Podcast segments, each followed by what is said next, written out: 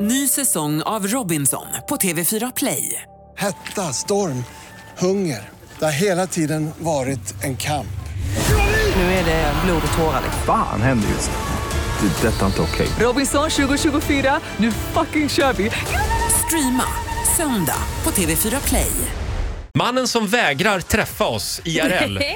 Jag vet inte. Jag är så trött på att prata med honom i telefon men samtidigt saknar jag honom. Så vi måste ju ringa honom. Ja, precis. Du får en liten applåd av Ja, oss i alla fall. Ja.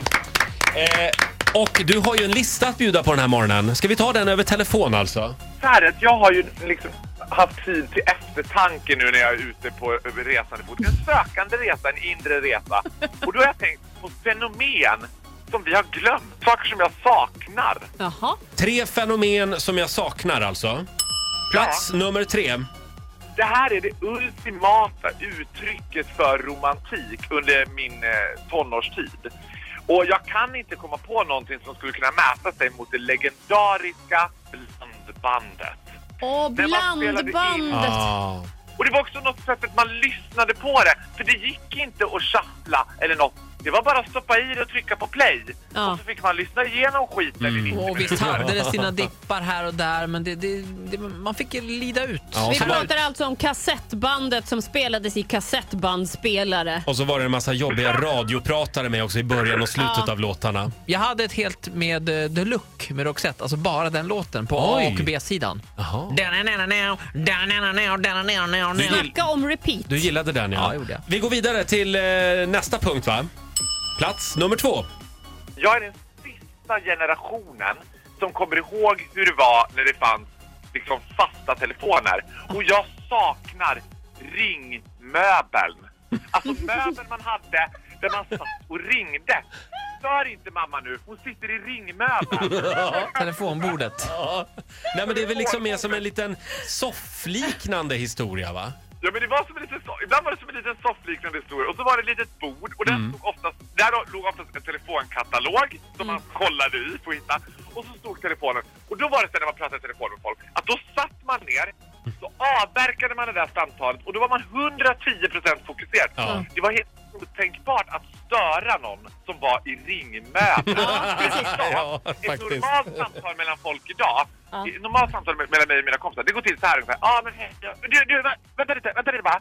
Ja, kan jag få betala? Ja, ja tack så Mm. mycket, tack. Ja, du Ja. stoppar i påsen. Ja, hej då. Du, Ja, jag ja, ja. saknar när man satt ner i den där ringmöbeln. Ska vi gå vidare Faro? Ja, Plats nummer ett. här var en av min generations största subkulturer. Och den här subkulturen, den tog sin plats i rökrutan. Sak, saknar du verkligen rökrutan?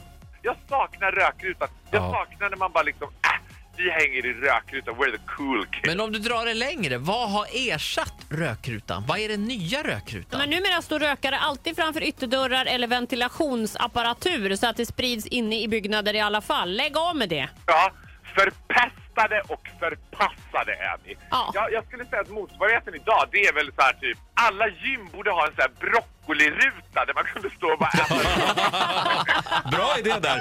Faro, Jag ställer mig i broccolirutan och tar en palsternacka. Ja. eh, tre fenomen du saknar. Rökrutan, blandbandet och ringmöbeln. Underbart. För övrigt har jag nyss skaffat hemtelefon igen.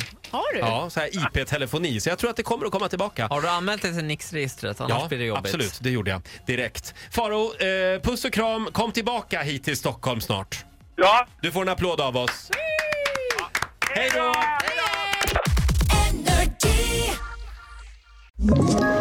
Ett poddtips från Podplay. I podden Något Kaiko garanterar östgötarna Brutti och jag, Davva, dig en stor dos skratt. Där följer jag pladask för köttätandet igen. Man är lite som en jävla vampyr. Man har fått lite blodsmak och då måste man ha mer. Udda spaningar, fängslande anekdoter och en och annan arg rant. Jag måste ha mitt kaffe på morgonen för annars är jag ingen trevlig människa. Då är du ingen trevlig människa, punkt. Något Kaiko, hör du på Podplay. Därför arkadeinerna.